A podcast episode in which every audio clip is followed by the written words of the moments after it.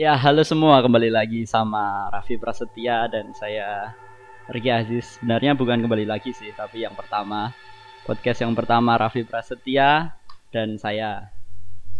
Nah, ini dari kami mau share sedikit pengalaman kami dan teman-teman. Kemarin itu eh, kami sempat mengunjungi salah satu pabrik gula yang terbesar ya. Yang terbesar yang berada di Kabupaten Klaten atau mungkin yang kurang paham itu Jalan Raya Jogja Solo. Tepatnya di pinggir jalan Jogja Solonya. Kalau dari Jogja kiri jalannya. Nah, eh, di sana kita datang dua kali. Yang pertama itu pada siang hari, yang kedua pada malam harinya.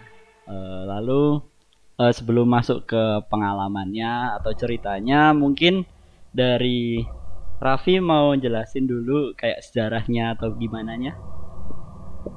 Ya jadi sejarah dari pabrik gulanya sendiri dengan nama Gondang Winangun itu berdiri sekitar tahun 1860 dengan nama Suiker Fabrik Gondang Winangun didirikan oleh Belanda dan mulai beroperasi sekitar tahun 1870 di bawah Undang-Undang Agraris Vet tahun 1870 dan 1883 itu diambil alih oleh NV Klatenich Kultur Maskapits yang ada di Den Haag.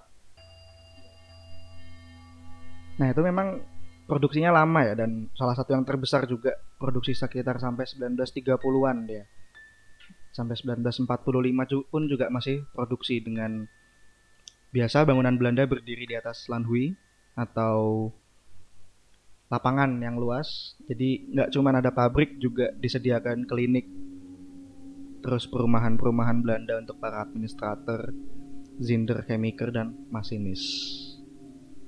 Itu dia.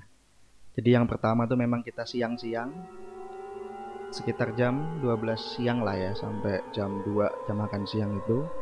Terus yang kedua itu baru pada tanggal 3 Januari 2022 itu kita jam 11 malam sampai jam 1 pagi. Di sana ada, ada apa aja mas? Pengalamanmu mas? Oke yang pertama yang siang hari kemarin ya kita itu uh, berkunjung sebenarnya di Gondang Winangun sendiri itu masih ada museum.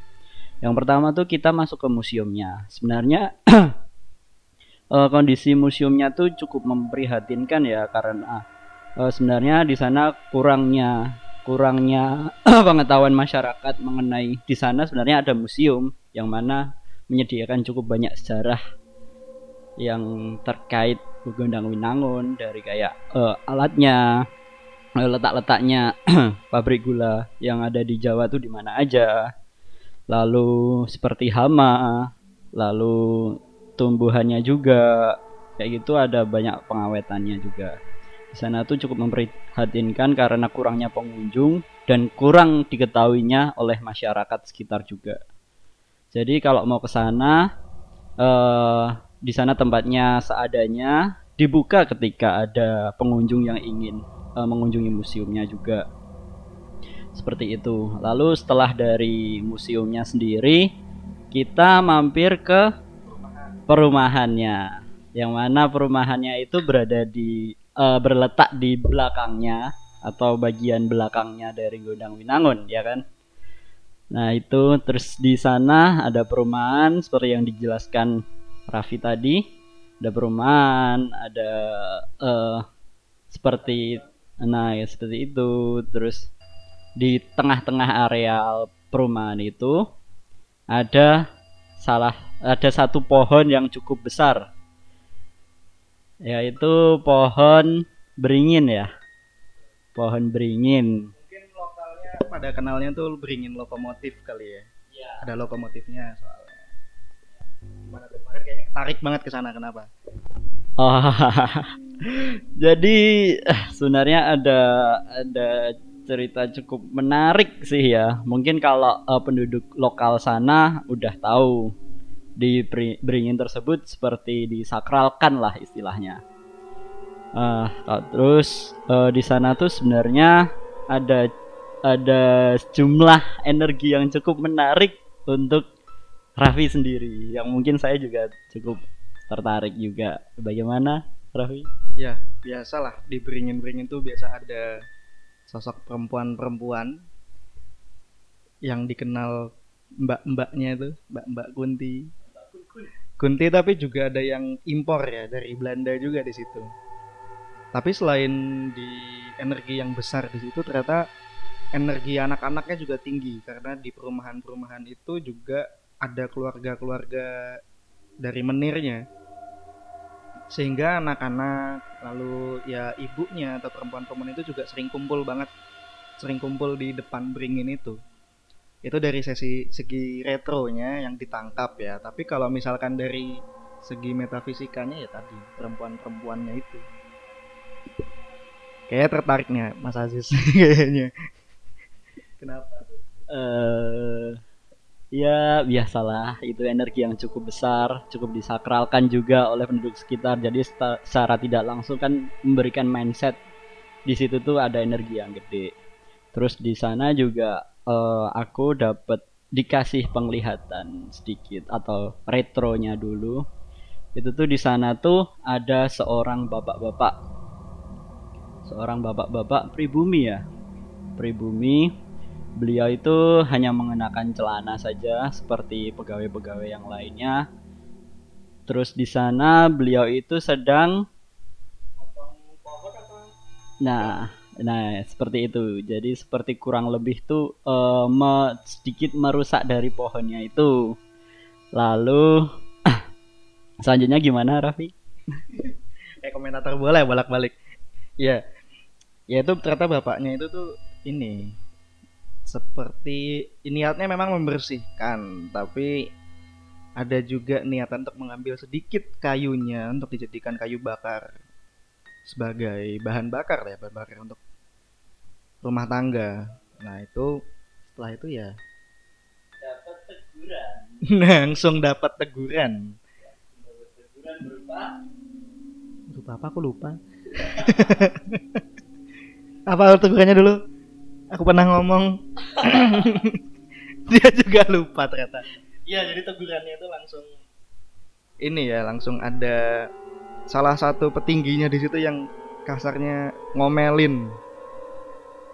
Dan menurut cerita yang saya dapat memang terjadi seperti mediumisasi atau kesurupan di sana. Hingga bapaknya ini terluka lah. Tapi yang saya dapat dulu nggak langsung nggak nggak meninggal tapi terluka di situ.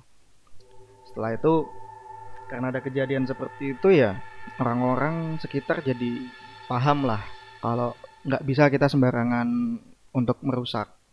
Merusak ataupun mengambil sesuatu yang bukan, Bukan miliknya. itu dia. Meskipun sebenarnya boleh sih sebenarnya boleh. Tapi kayak tadi kan memang tujuannya untuk bahan bakar rumah tangga ya. Sebenarnya boleh cuman mungkin bapaknya ini nggak izin Ya, kalau orang Jawa nyebutnya kulonuwun. Ya. permisi lah seminimalnya permisi Iya. Itu. dapat apa lagi kemarin di sana Eh, terus di sana di sana sebenarnya eh, dari yang dibilang Raffi tadi ada kegiatan anak-anak anak kecil kayak di desa seperti biasa lah kalau sekarang nah itu memunculkan vibes vibes menyenangkan juga dari anak-anaknya. Riang lari ke sana ke sini main. Terus ada ibu-ibu ibu-ibu dari Belanda ya tepatnya. Nah seperti itu seperti bertukar eh, makanan, kue yang dibuat ataupun ataupun lauk yang dibuat juga oleh para pembantunya. Ya, seperti itu. terus habis dari sana kita ke mana tuh? Langsung ke pabrik nggak sih Ya, habis itu memang kita berdua langsung berdua lagi kan berbanyak. berbanyak kemarin itu langsung ke tempat pabriknya ini pas masih siang-siang ya Benar. kita ke pabriknya ya sedikit mengulas tentang pabriknya dengan isinya yaitu ada juga beberapa stasiun kerja mulai dari penggilingan terus kettle penguapan masuk ke bawah tanah ada pembakaran pembuangan abu Mm-mm.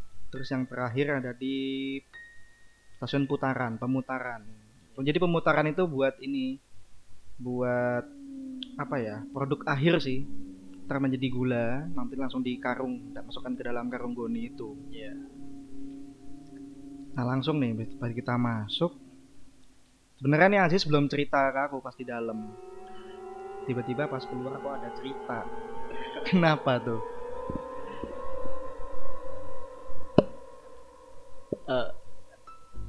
yang pertama kita di Gilingan. Di penggilingan yang ada roda gilanya.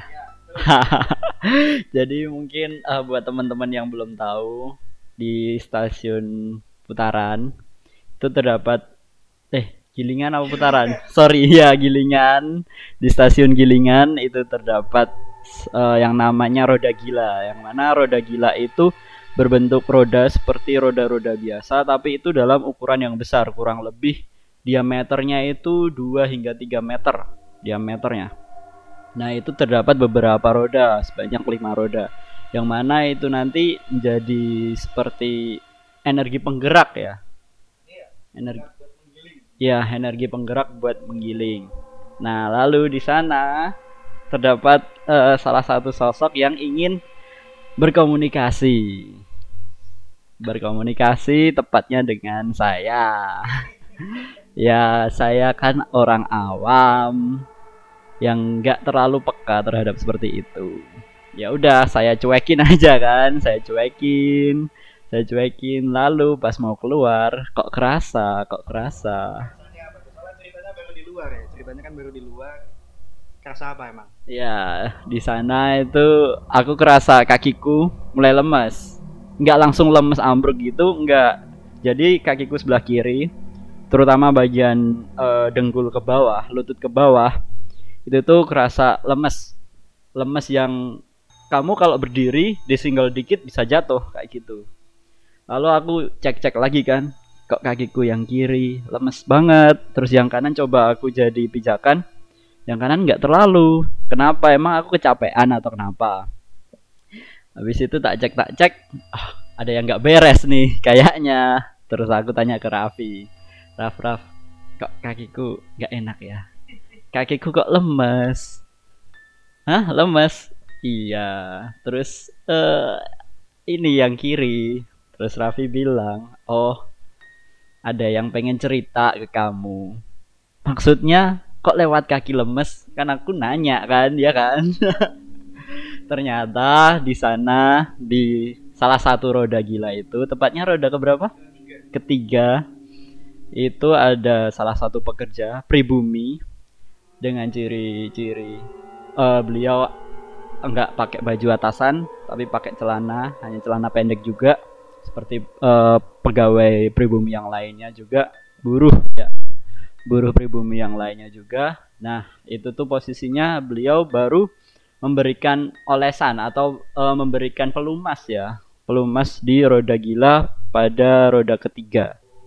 Nah, di situ beliau secara tidak sengaja, tidak disengaja oleh beliau, itu tuh beliau terpleset dan kakinya masuk ke dalam rodanya terperosok ke bawah yang mana di bawah itu tuh sangat sempit sekali kan Iya, sempit sekali dalam anunya. Jadi ketika kaki masuk, ya udah langsung remuk. Itu sebenarnya yang yang diberikan ke Aziz ini adalah perasaan ketika setelah ini ya, setelah kejadian itu bagaimana. Dan ternyata full diceritakannya itu full perasaannya pas kita datang ke malam harinya nih kedua. Nanti kita ceritakan juga. Jadi pas di sana itu memang ini ya di semua pabrik gula itu sebelum dilaksanakan penggilingan itu dilakukan suatu ritual khusus yang disebutnya adalah tebu manten yaitu di mana sebelum penggilingan tebu yang banyak tebunya itu dilakukan dulu penggilingan terhadap dua tebu yang didandani seperti layaknya pengantin. Nah itu juga di didampingi dengan persembahan seperti kepala kerbau, terus ada wayangan juga, dan ada pentas-pentasnya. Itu memang dilakukan untuk apa ya kelancaran ini sih kelancaran proses pembuatan produksi kayak gitu. Cuman kenapa hal ini bisa terjadi?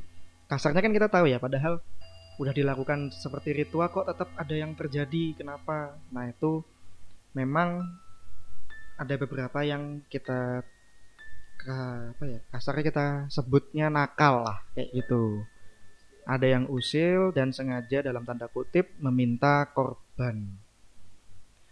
Sebenarnya waktu itu yang mau komunikasi itu dua. Jadi tapi belum saya perbolehkan. Kenapa? Karena yang satu lagi itu ini dia beliau ini tergilingnya satu badan full. Nah itu juga kasihan juga kalau tiba-tiba nanti Aziznya ambruk apa gimana Dan memang kemarin itu kita ada sesi-sesi retrokognisi namanya. Iya benar sekali. Ya semacam semacam uji nyali gitu, tapi bukan uji nyali ya teman-teman.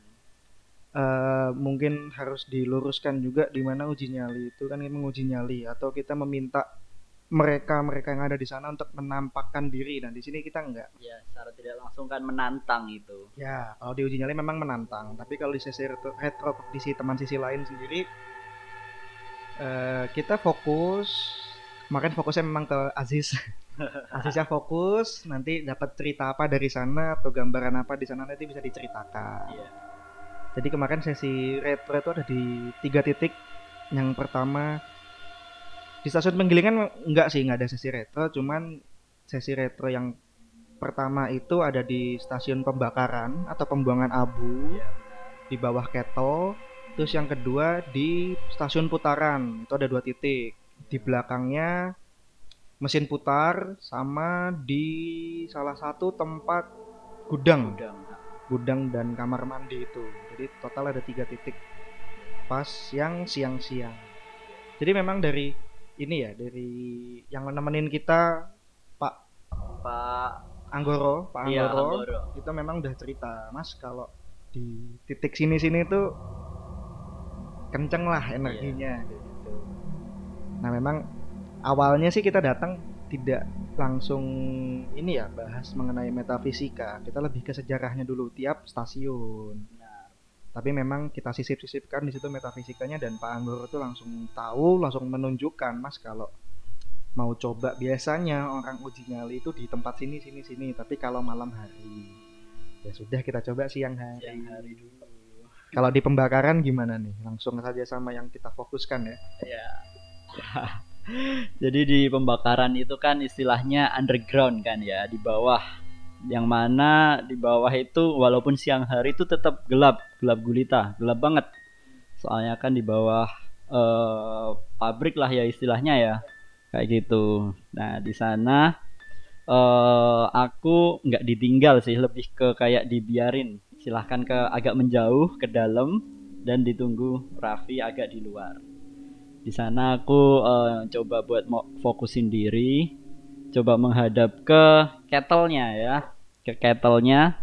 Terus di sana aku dapat kayak sosok, nggak sosok sih, seperti frame, frame situasi ya, gambaran situasi waktu dulu. Jadi di situ aku dapat gambaran seperti dua orang siluet dua orang dari belakang gitu kan hitam siluet doang. Nah di depannya mereka itu ada seperti cahaya yang terang banget. Cahaya yang terang banget sampai cuman kelihatan siluet doang orangnya. Nah seperti itu. Seperti kalau kalian lihat jendela keluar lah istilahnya kayak gitu. Kalau kalian pengen gambarin. Nah terus uh, dari Raffi tak uh, jelasin kan Raf aku dapet gambaran seperti ini. Nah dari Raffi jelasin lagi itu sebenarnya apa sih Raf? ya jadi sebenarnya itu proses di mana para pekerja atau buruh itu mm, membuang abu. Tapi ini ada kaitannya dengan yang kemarin. Yang dilihat kemarin itu ada kaitannya. Yang terakhir kita malam itu memang ada kaitannya. Jadi semua yang dilihat Aziz, dirasakan saya, dirasakan Mas Wawan itu terjawabnya di sesi malam hari kemarin tanggal 3 itu. Iya, saling nyambung lah. Nah, selain ada gambaran-gambaran orang pekerja, pastinya ada siapa sih di situ ternyata ramai dengan sosok Untul. Nah, buat teman-teman, nah, jadi Untul itu adalah sosok apa ya? ya sosok suatu sosok entitas di mana bentuknya kalau teman-teman tahu tuyul, tuyul kan anak-anak. Tapi kalau untul ini bukan anak-anak. Jadi memang lebih mirip seperti alien yang kecil-kecil itu. Dan datangnya keroyokan sih barengan. Nah, di di entitas si untul ini yang banyak merasakan itu sebenarnya Mas Wawan, kayak tangannya ditarik-tarik atau bagaimana digendongin apa gimana itu Mas Wawan yang banyak bermain diajak bermain sih sebi- eh, seperti itu. Ya, sifat-sifat bocah pada umumnya Ya, sifat-sifat anak kecil tapi datangnya keroyokan. Memang kemarin itu untuk saya pribadi membatasi diri ya untuk tidak bermediumisasi dulu. Ada satu dua penyebab sih. Yang pertama itu sesi siang hari agak-agak sedikit wagu atau aneh lah kalau misalkan kita mediumisasi siang-siang gitu. Terus yang kedua kalau untul aku nggak mau karena tidak bisa diajak komunikasi karena bahasanya juga bukan bahasa manusia, bahasa mereka.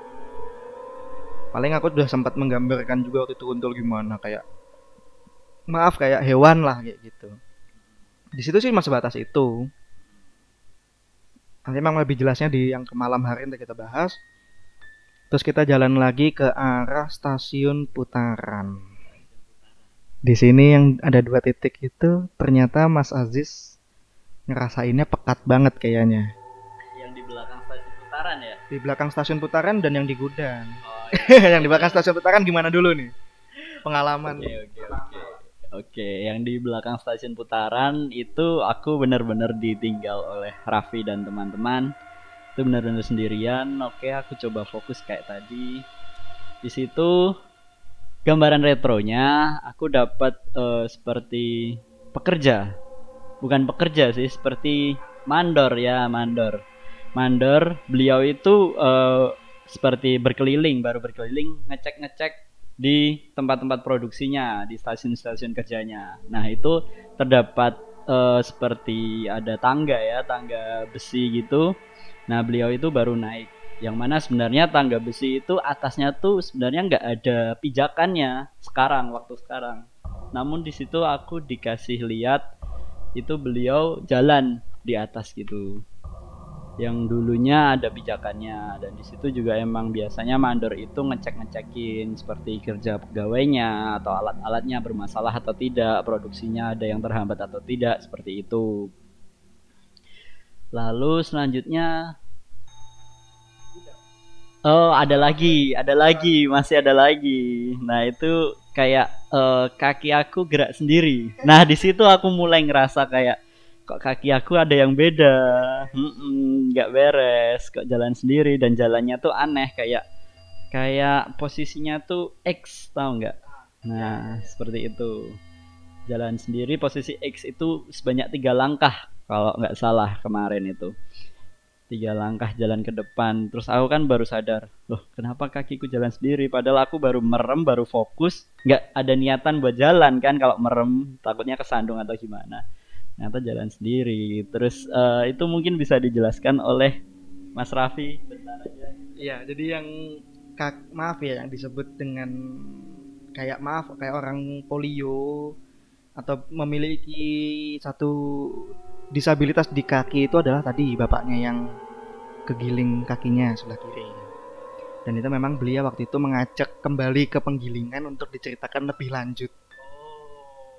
Jadi memang kalau posisi Mas Aziznya fokus, kalau misalkan itu tadi jalannya diteruskan itu bisa tiba-tiba nanti sampai di penggilingan aja. Itu minta diceritakan di sana tapi karena kayak mungkin ceritanya belum selesai apa masih seberapa gitu. Terus kita udah jalan Belum lagi. Kan Ya belum selesai sampai kan emang Mas dulu waktu itu langsung nggak ngomong Ya, kan nggak peka gitu. masih cuek sih masih cuek. mode cuek Terus apa lagi bisa ceritain di situ? Cuman mandor sama itu ya iya pekerja.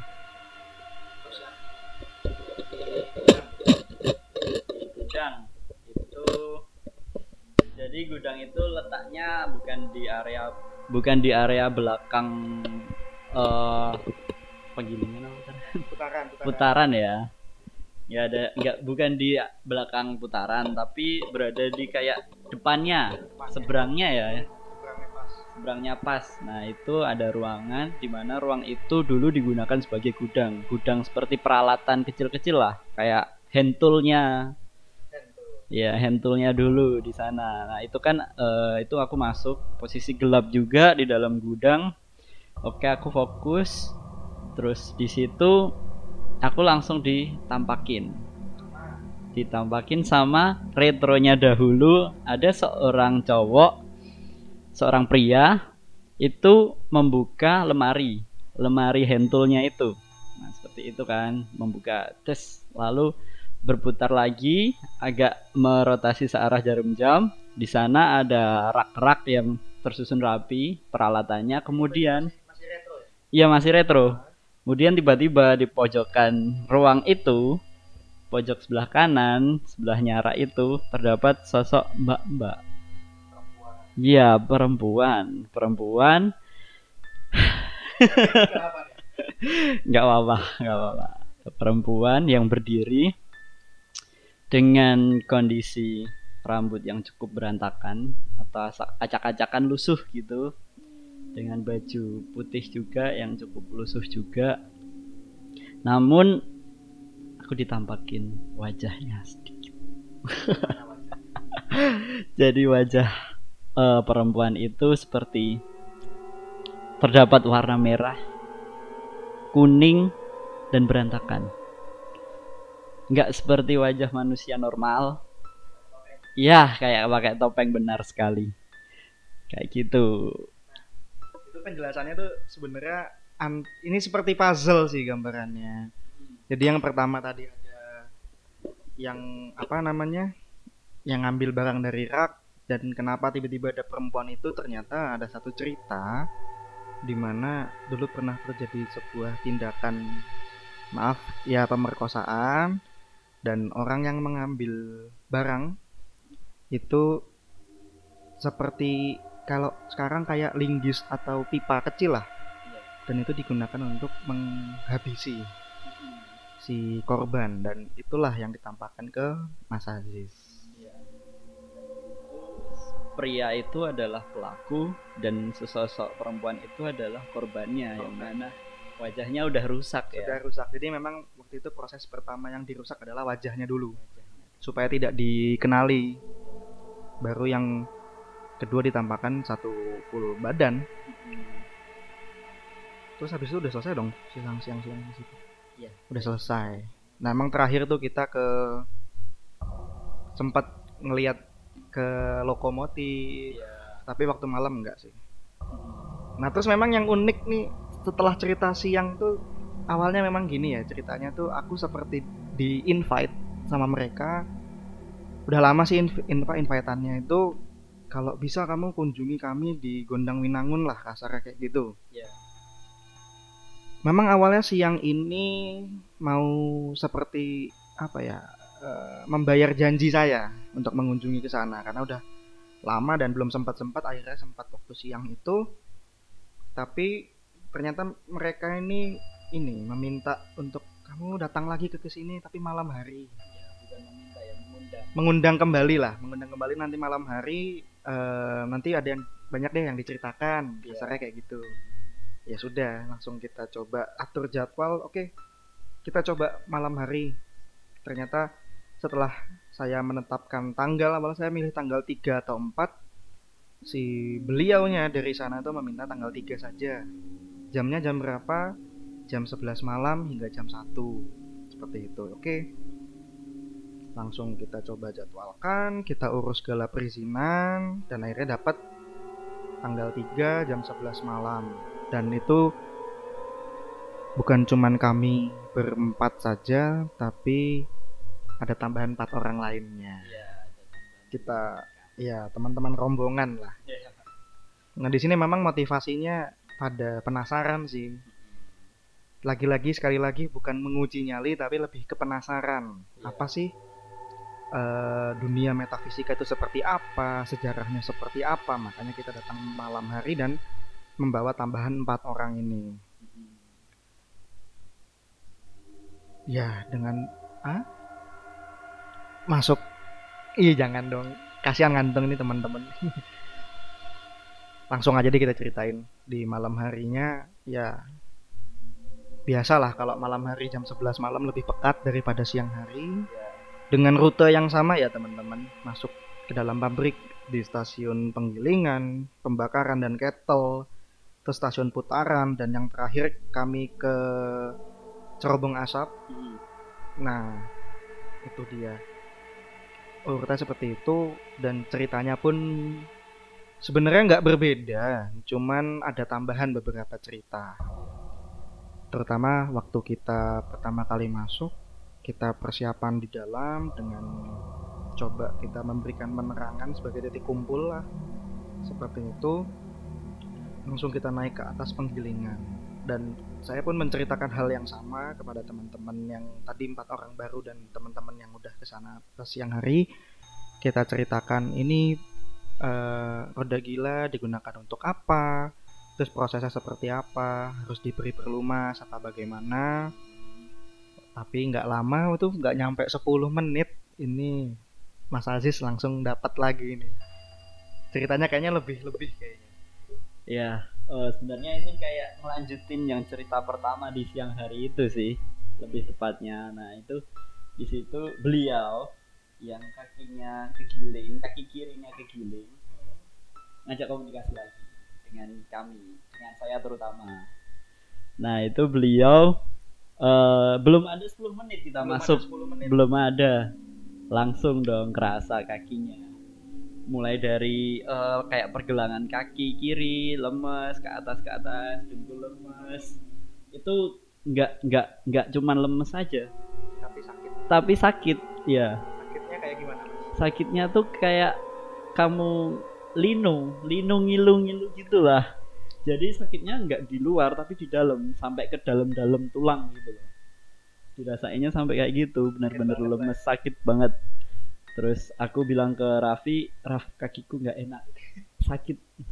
Nggak kuat berdiri nggak kuat berdiri sampai akhirnya aku disuruh duduk sama Raffi disuruh oke tenang oke fokus kalau emang ada yang mau komunikasi oke disuruh diminta buat aku relax aja nggak usah nahan nggak usah em, berontak atau gimana oke aku fokus di situ.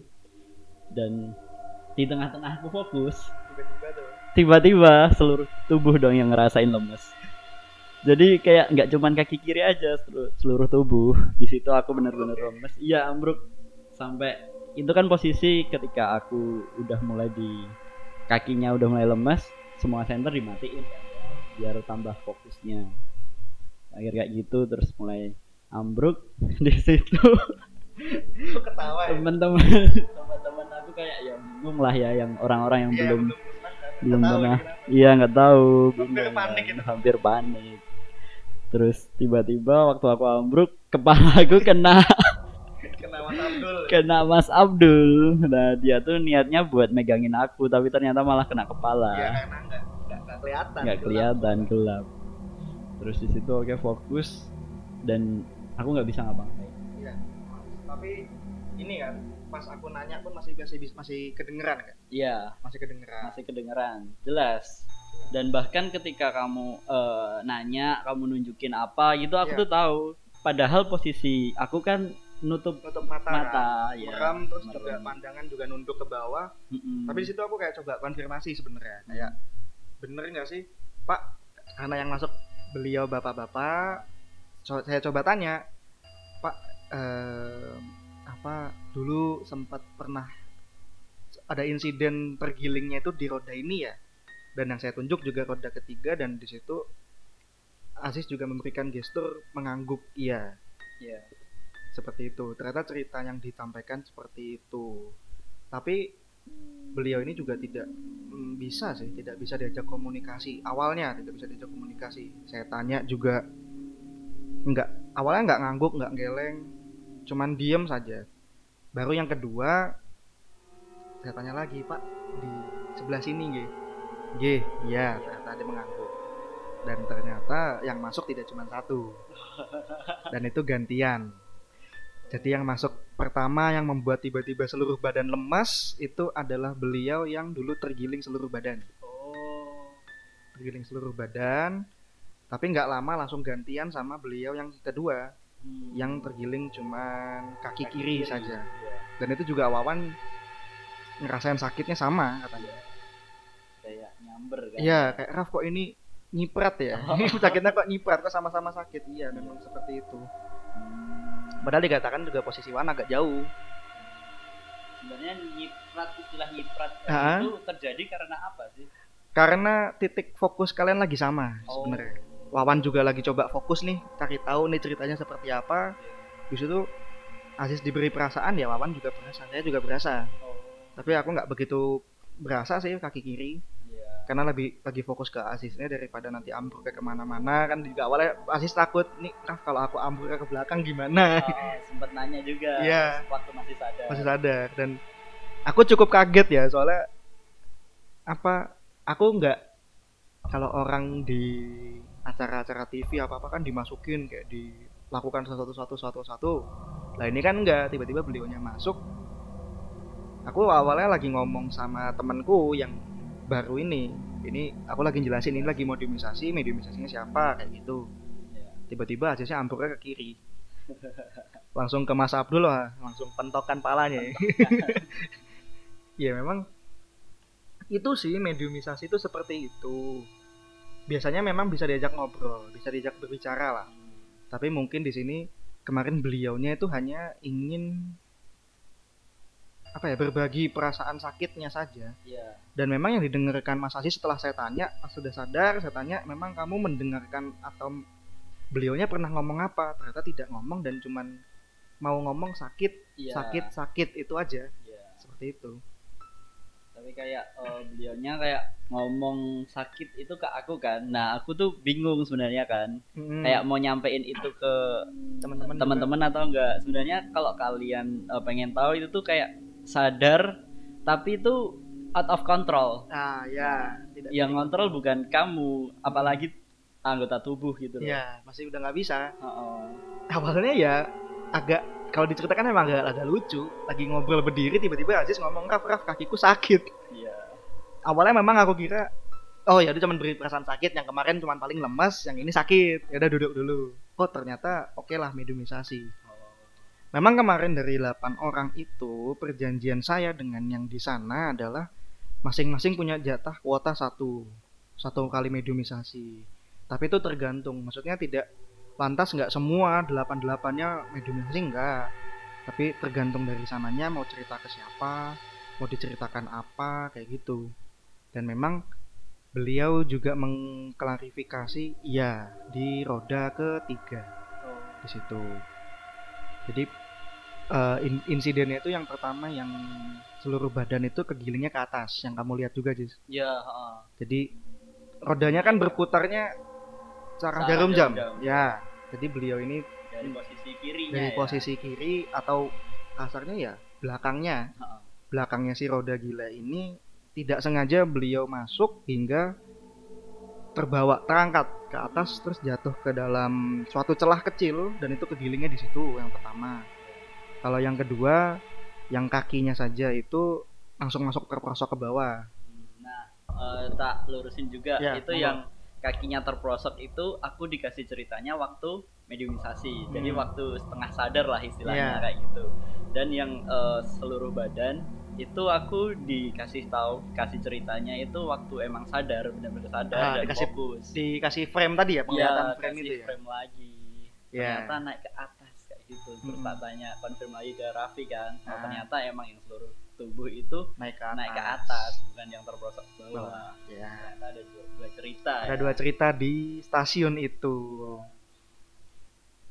nah sebenarnya cerita di stasiun itu cukup di situ sih terus kita coba lanjut lagi ke arah kettle sama awalnya kettle dulu baru masuk ke ruang bawah tanah nah kettle sendiri ini untuk apa kettle ini adalah untuk penguapan jadi eh, tebu yang sudah digiling itu masuk ke dalam kettle itu untuk diuapkan dihilangkan ininya apa? Air airnya kandungan airnya dihilangkan dan uapnya tadi adalah sebagai penggeraknya si roda gila. Jadi pakai sistem mesin uap Ya. pada zaman itu. Nah memang di kettle ini yang lebih banyak diperlihatkan adalah dari keadaan retrokognisinya di mana orangnya pegawai atau pekerjanya itu apa memasukkan tebunya. Terus proses penguapannya seperti apa? Lebih banyak di situnya. Nah yang selanjutnya cerita di bawah tanah. Aziz kayak melihat sesuatu lagi. Memang Aziz nih fokusnya sekarang di Aziz. Makanya waktu hari ini saya ajak untuk ngobrol di podcast ya Aziz. Karena memang kemarin tuh sebagai ujian ya sih ujian Waduh. akhir semester Waduh. silakan gimana yang di bawah ya, yang di bawah itu ya sama kayak tadi tempatnya gelap gulita. gelap gulita banget. Apalagi malam hari kan ya. Terus di situ juga teman-teman jalan kan. Nah, itu eh, kebetulan aku posisi di paling belakang. Paling belakang. Terus aku kayak kok ada sesuatu di belakangku. Coba aku nengok. Cet gelap. ya emang gelap. Enggak dong. Terus aku kasih center, wah ternyata dapat gambaran dong.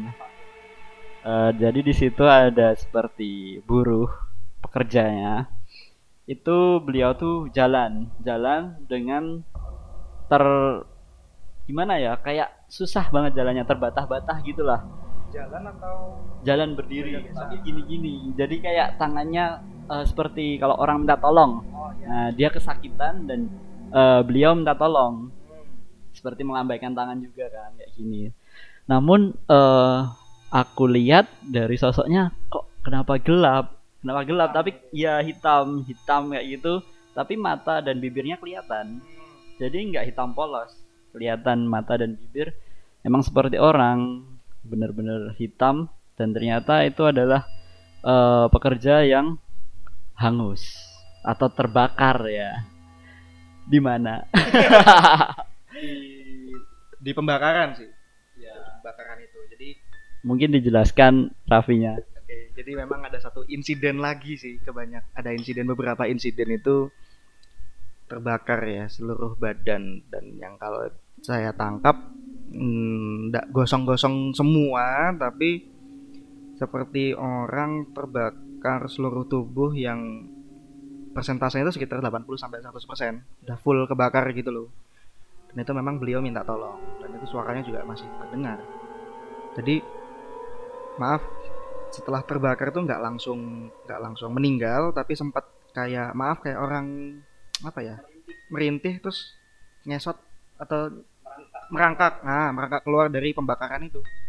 Minta tolong minta tolong dan sebenarnya di posisinya waktu itu masih banyak pekerja yang tapi nggak bisa nolong. Buk, ya nggak bisa nolong gini kan dulu teknologi nggak seperti sekarang. Kalau sekarang kita tahu ada yang namanya kain kain api atau selimut api itu buat orang yang kebakar terbakar. Nah teman-temannya ini takut kalau misalkan nanti nolong kulitnya kenapa-kenapa. Nah itu sempat beliau merangkak agak sedikit lebih jauh dari pembakarannya itu tapi nggak lama langsung meninggal. Dan posisi memang dari pihak Belanda waktu itu tidak langsung di ini tidak langsung diangkut jenazahnya. Tapi masih di dibiarkan itu sampai semalam ditutup dengan karung karung goni karung goni. Di situ memang kalau saya tangkap memang tujuan kenapa dibiarkan agak lama itu bukan kenapa-napa sih tapi lebih ke membiarkan ini si maaf si tubuhnya ini yang terbakar kering dulu. Supaya kalau diangkat nanti nggak nggak tambah luka apa nggak tambah apa nggak tambah hancur lah. Jadi dibiarkan kering dulu baru nanti diangkut. Ya memang habis setelah itu di di apa ya dimakamkan sih. Dimakamkan tetap dimakamkan. Jadi tidak sempat eh, adanya perlakuan medis ya. oh tidak ada sempat peran medis. Karena memang dari segi ini ya dari segi Keamanan. juga ya keselamatan kerja juga kurang terus yang kedua kalau di situ sih udah cuma situ sama si untul-untul tadi Ya, sama untul-untulnya ngajak bermain. ajak bermain juga dan di situ yang sesi retrokognisi teman sisi lain itu Mas Abdul sama Mas Wawan Ya. dengan cerita mereka berdua setelah selesai dari situ mereka cerita kalau Iya, banyak banget si sosok-sosok untul ini yang ngajak main. Abdul merasakan ada yang nemenin nih lagi jongkok padahal dia. Sebenarnya kalau di stasiun-stasiun aku bilang stasiun depan itu ya cukup di situ sih. Dari insiden mulai dari insiden lalu ada pembahasan mengenai peralatannya seperti apa. Nah yang agak berbeda nih di bagian belakang. Di mana bagian belakang atau di belakang stasiun putaran itu kalau malam memang lebih pekat. Lebih pekat. Dengan titik retrognisinya kemarin ada tiga titik nambah dari yang sebelumnya. Nah di satu ada di dulu tempatnya buat istirahat pekerja. Iya, Nah, tapi nanti di stasiun putaran sendiri ini ada hidden story-nya sendiri. Nanti bakal dibahas juga. Dan memang ceritanya tuh saya bagi menjadi tiga ya yang belum retrokognisi itu Mas Aziz sama teman saya Alvia terus ada teman saya Fafa sama Anggara di tempat istirahat lalu saya dan teman saya Fadil itu ada di gudang yang waktu itu Aziz dapat penglihatan si perempuan dan laki-laki itu.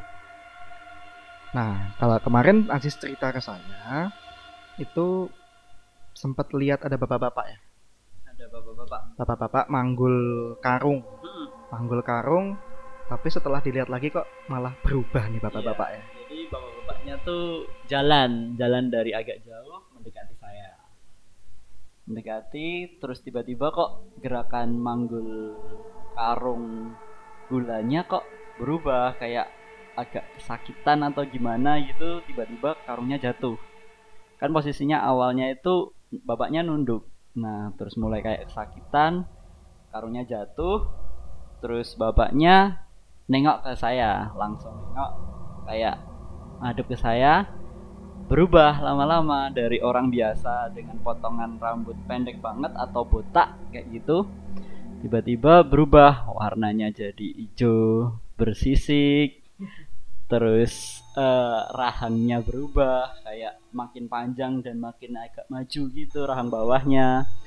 Ya keluar taring beliau kayak membuka mulut lalu lidahnya keluar dan di telinganya juga berubah agak lancip juga ya kayak gitu. Kok makin lama makin nakutin. Oke aku coba buat eh, nggak fokus lagi.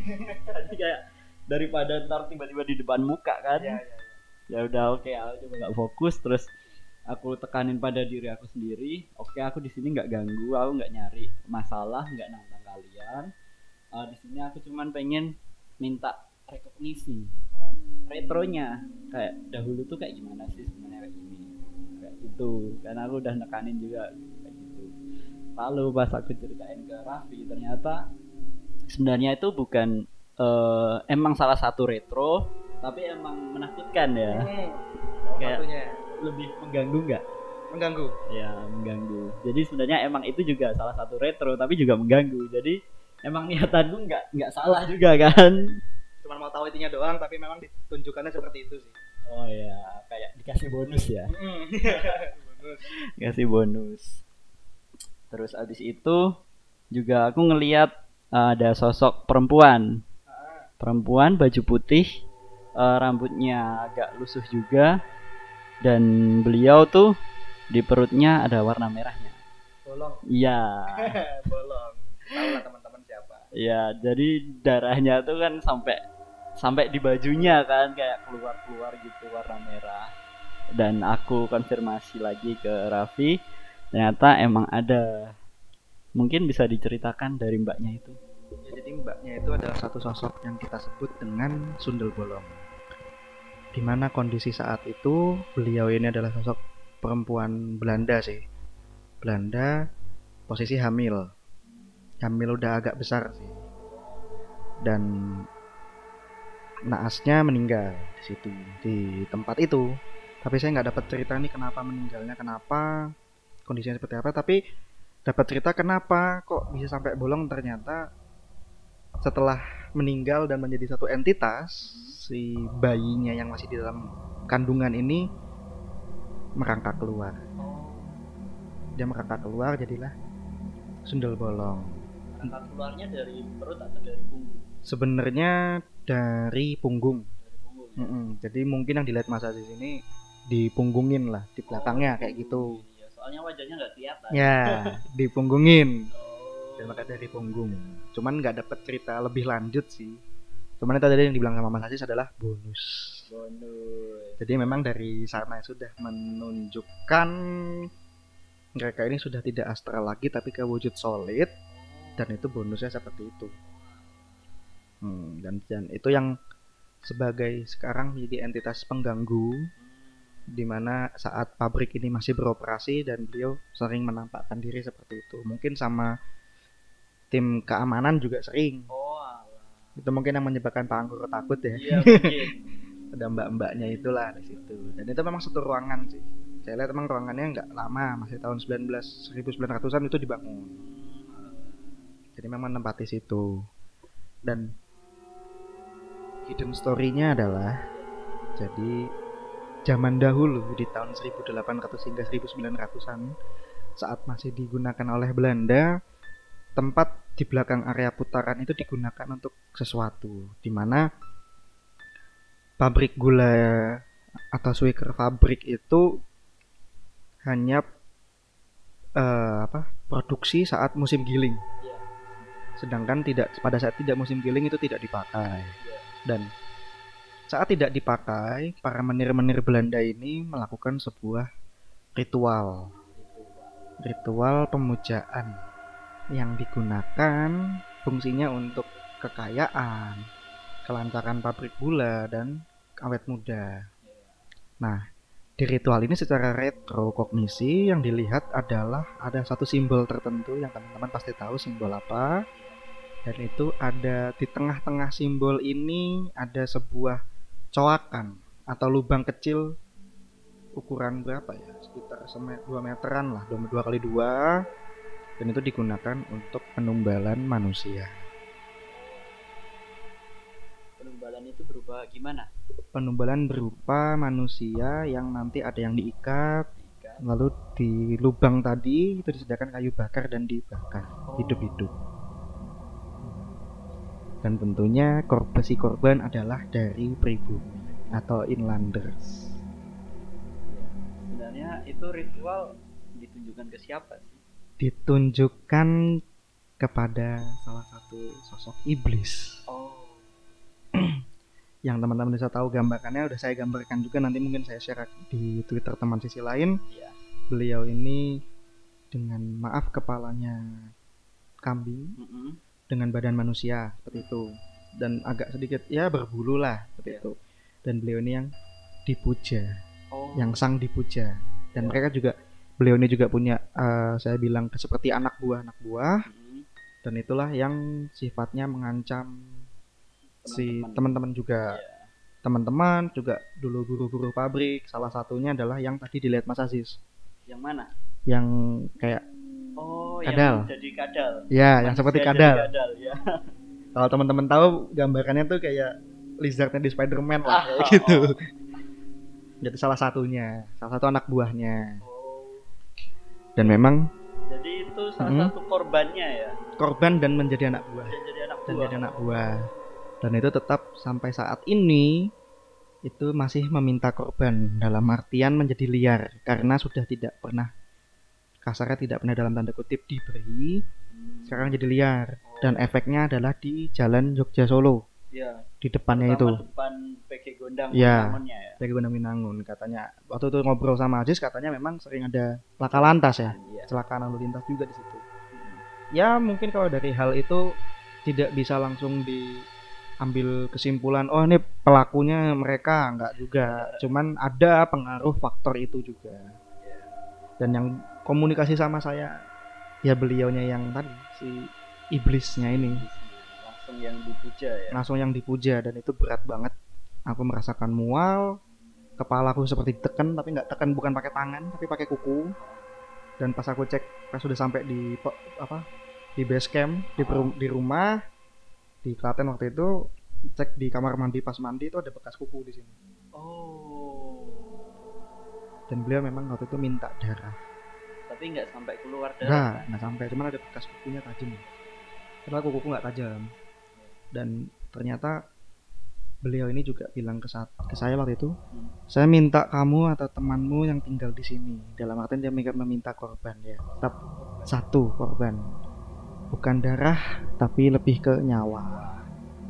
Dan yang nggak tetap pastinya nggak saya kasih dong. Iya. dan, dan negosiasi kayak gitu alhamdulillah di ada bantuan juga dari petingginya dan itulah yang kita dapat waktu itu hidden story itu yang nggak banyak orang tahu dan tidak banyak diceritakan Iya.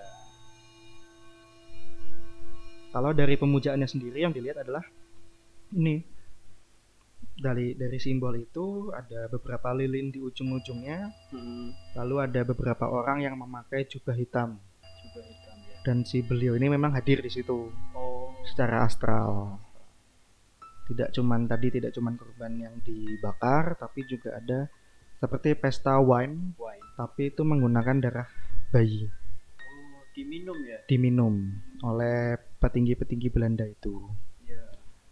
kalau kemarin ada yang nanya ah bayinya dapat dari mana ya dapat dari se- seadanya karena hal itu kan tidak tidak apa ya tidak dijadwal dalam artian dalam tanda kutip oh nanti malam hari ini kita minum Bayinya siapa? dari bayi bayinya siapa nggak ada ya sedapatnya dan rata-rata jadi di belakang pabrik gula itu kan ada kebun tebu Iya. nah rata-rata itu adalah dari bayi para buruh yang tinggalnya tidak jauh dari kebun tebu Oh. Jadi buruhnya itu punya baru punya anak ada yang umur umur tiga bulan ada yang baru dua bulan bahkan ada yang belum lahir. Mm-mm. jadi sengaja diminta untuk maaf aborsi dan itu yang dibawa. Jadi di maaf ya kayak motong ayam Iya. diambil darahnya. Diambil jadi posisi bayi terbalik terus dipotong di Potong leher. Nah dan itu darahnya yang diambil. Nah ke mana si jasad bayi ini? Bayi ini nanti yang jadi makanan. Oh. atau tumbal juga. Seperti itu yang mungkin untuk saya sendiri warga Klaten asli itu nggak tahu sebenarnya. ya. Oh, oh. Kalau tidak dikulik oleh Raffi mungkin juga bakal menjadi suatu rahasia lah. rahasia benar sebenarnya ini perkumpulan rahasia ya mungkin kalau sampai saat ini juga sebagai masih jadi rahasia Mm-mm. cuman di sini yang kita cari adalah retronya atau sejarahnya. Kenapa bisa terjadi hal seperti ini? Ya tadi alasannya. Untuk kekayaan awet muda dan lain-lain. Dan itu memang dilakukan oleh para menir dan istrinya. Jadi kalau anak-anaknya udah tidur malam di rumahan Belanda itu nah para menir atau petinggi-petingginya itu datang ke pabrik gula untuk melakukan ritual itu? Jadi memang cerita pabrik gula itu kompleks dan di Klaten sendiri masih ada beberapa pabrik gula. Mm-mm. seperti Gondang Winangun salah satunya. Terus ada pabrik gula Ceper pabrik gula Klaten ada lagi. Kurang lebih di namanya Foster London itu sekitar 13 sampai 14 pabrik gula. Oh. Foster, London itu salah satu wilayah Indonesia yang masih did- diduduki monarki. Kesultanan. Itu ada 14 13 sampai 14 pabrik gula. Oh. dan memang tidak semua pabrik gula itu melakukan hal yang sama dalam segi ritualnya tapi beberapa pabrik gula yang besar itu ya melakukan Mm-mm. nah itu adalah salah satu hidden story-nya yang banyak orang nggak tahu. Iya. setelah itu sih memang pas aku sesi retrognisi sendiri agak terpisah dari Ba- dari Fadil. Memang itu tadi ditekan terus mual dan banyak mereka-mereka yang hovering. Hovering itu apa ya? Keliling-keliling apa? Muter-muter di atas. Oh ya. di, di satu pusat. Saya waktu itu menjadi satu pusat. Itu yang menyebabkan saya pusing mual dan segala macam. Langsung saya langsung minta ayo dahan kita keluar kita ketemu di titik awal dulu yang ada lampu tadi. Iya. udah kita cerita-cerita situ bentar dan saya lihat jam ternyata oh iya udah jam satu. Sudah sebagai batasnya. Sudah saya batasnya. Ya. nah tapi waktu itu waktu belum akhirnya kita keluar lalu kita masuk lagi untuk terakhir di cerobong. Asap. Di mana di situ saya memberikan suatu apa ya oleh-oleh lah. Mm-mm. bukan bermaksud apa-apa bukan bermaksud untuk meminta sesuatu tapi lebih ke orang yang sedang bertamu ke tuan rumah lah. Iya. saya memberikan suatu satu tangkai bunga sedap malam. Dan yang terakhir ada bunga mawar putih yang ada di Kerkhoff atas nama Peter Jacobus Meyer. Di situ. Ya beliau ini yang nungguin kita dan nemenin kita selama berjalan dan tadi yang di cerbung asap yang teman-teman bakal tahu nanti ada sosok namanya beliau boleh disebutkan katanya dengan nama Nyi Denok. Nah, beliau ini memang sesosok perempuan Belanda dengan tubuh maaf sebagian bagian tubuh ke bawah itu adalah ular. Dan yang apa ya ukurannya itu besar. Jadi uh, apa mengelilingi si cerobong asap lilit oh iya. Dan memang saya kemarin melakukan apa ya kasarnya perjanjian atau MOU itu dengan beliau gitu, nanti dikasih informasi apa nanti di sana bagaimana jalannya ke mana aja itu dari beliau semua. Waktunya kapan itu dari beliau semua. Dan alhamdulillah hutangnya sudah selesai dengan membawa tadi delapan orang di antaranya empat orang yang belum pernah dan punya ceritanya masing-masing yeah. dan rata-rata ya merasakan dan melihat lah. Yeah. seperti itu secara batin secara batin solidnya. solidnya. Gimana Mas Asis ada tambahan? Dan ditanya mungkin? Dari ya. Jadi emang itu jadi salah satu pengalaman yang cukup menegangkan kan ya. Ya menegangkan tapi bikin penasaran tapi nagih ya. Gimana ya nagihnya? Nagihnya tuh kayak sebenarnya ada apa sih di balik uh, suatu tempat ini bukan kayak nagih aku pengen lihat uh, sosok yang ada di sini itu bukan. Tapi kayak cerita dulu di sini tuh ada apa ada kegiatan apa kenapa bisa segede ini kenapa bisa jadi sekarang kayak gini itu tuh sebenarnya cerita apa. Lalu mungkin untuk kita uh, manusia yang hidup di zaman sekarang itu dapat diambil lah dapat di, di dapat dipetik istilahnya kayak amanah atau uh, pesan yang diambil oleh uh, kegiatan pendahulu-pendahulu kita. Mungkin yang positif bisa diambil ditiru dicontoh dan yang negatif dibuang jauh-jauh dan nggak usah dipikirin lah kayak gitu. Mungkin dari Raffi ada pesan yang mungkin disampaikan dari pengalaman itu? Ya mungkin kalau pesan-pesan saya lebih banyak dari mereka ya. Mereka ini berpesan agar si eh, bangunan-bangunan kuno itu menjadi salah satu cagar budaya atau di heritage lah. Dijaga baik-baik. Jangan dikotori. Jangan diambil barang-barang yang ada di dalam. Seperti itu sih. Dan mungkin yang patut kita contoh adalah ininya uh, kinerjanya. Di mana dulu uh, Belanda itu dikenal dengan pekerjaan yang cepat ulet teliti dan itulah yang kita ambil. Itulah kenapa pabrik gula Gondang Winangun adalah salah satu yang memproduksi gula terbaik dan terbanyak. Yang tertinggi pada tahun 1940-an itu produksi tertinggi. Itu yang sebenarnya bisa kita contoh sampai saat ini. Seperti itu. Maksudnya dengan dengan apa namanya dengan peralatan yang belum semodern sekarang tapi bisa menjadi yang terbaik itu kan bagus banget. Itu sih kalau dari Menir Peter. Menir Peter sama Menir Bremen ya, sekarang meskipun kita sudah di Solo beliau ada di sini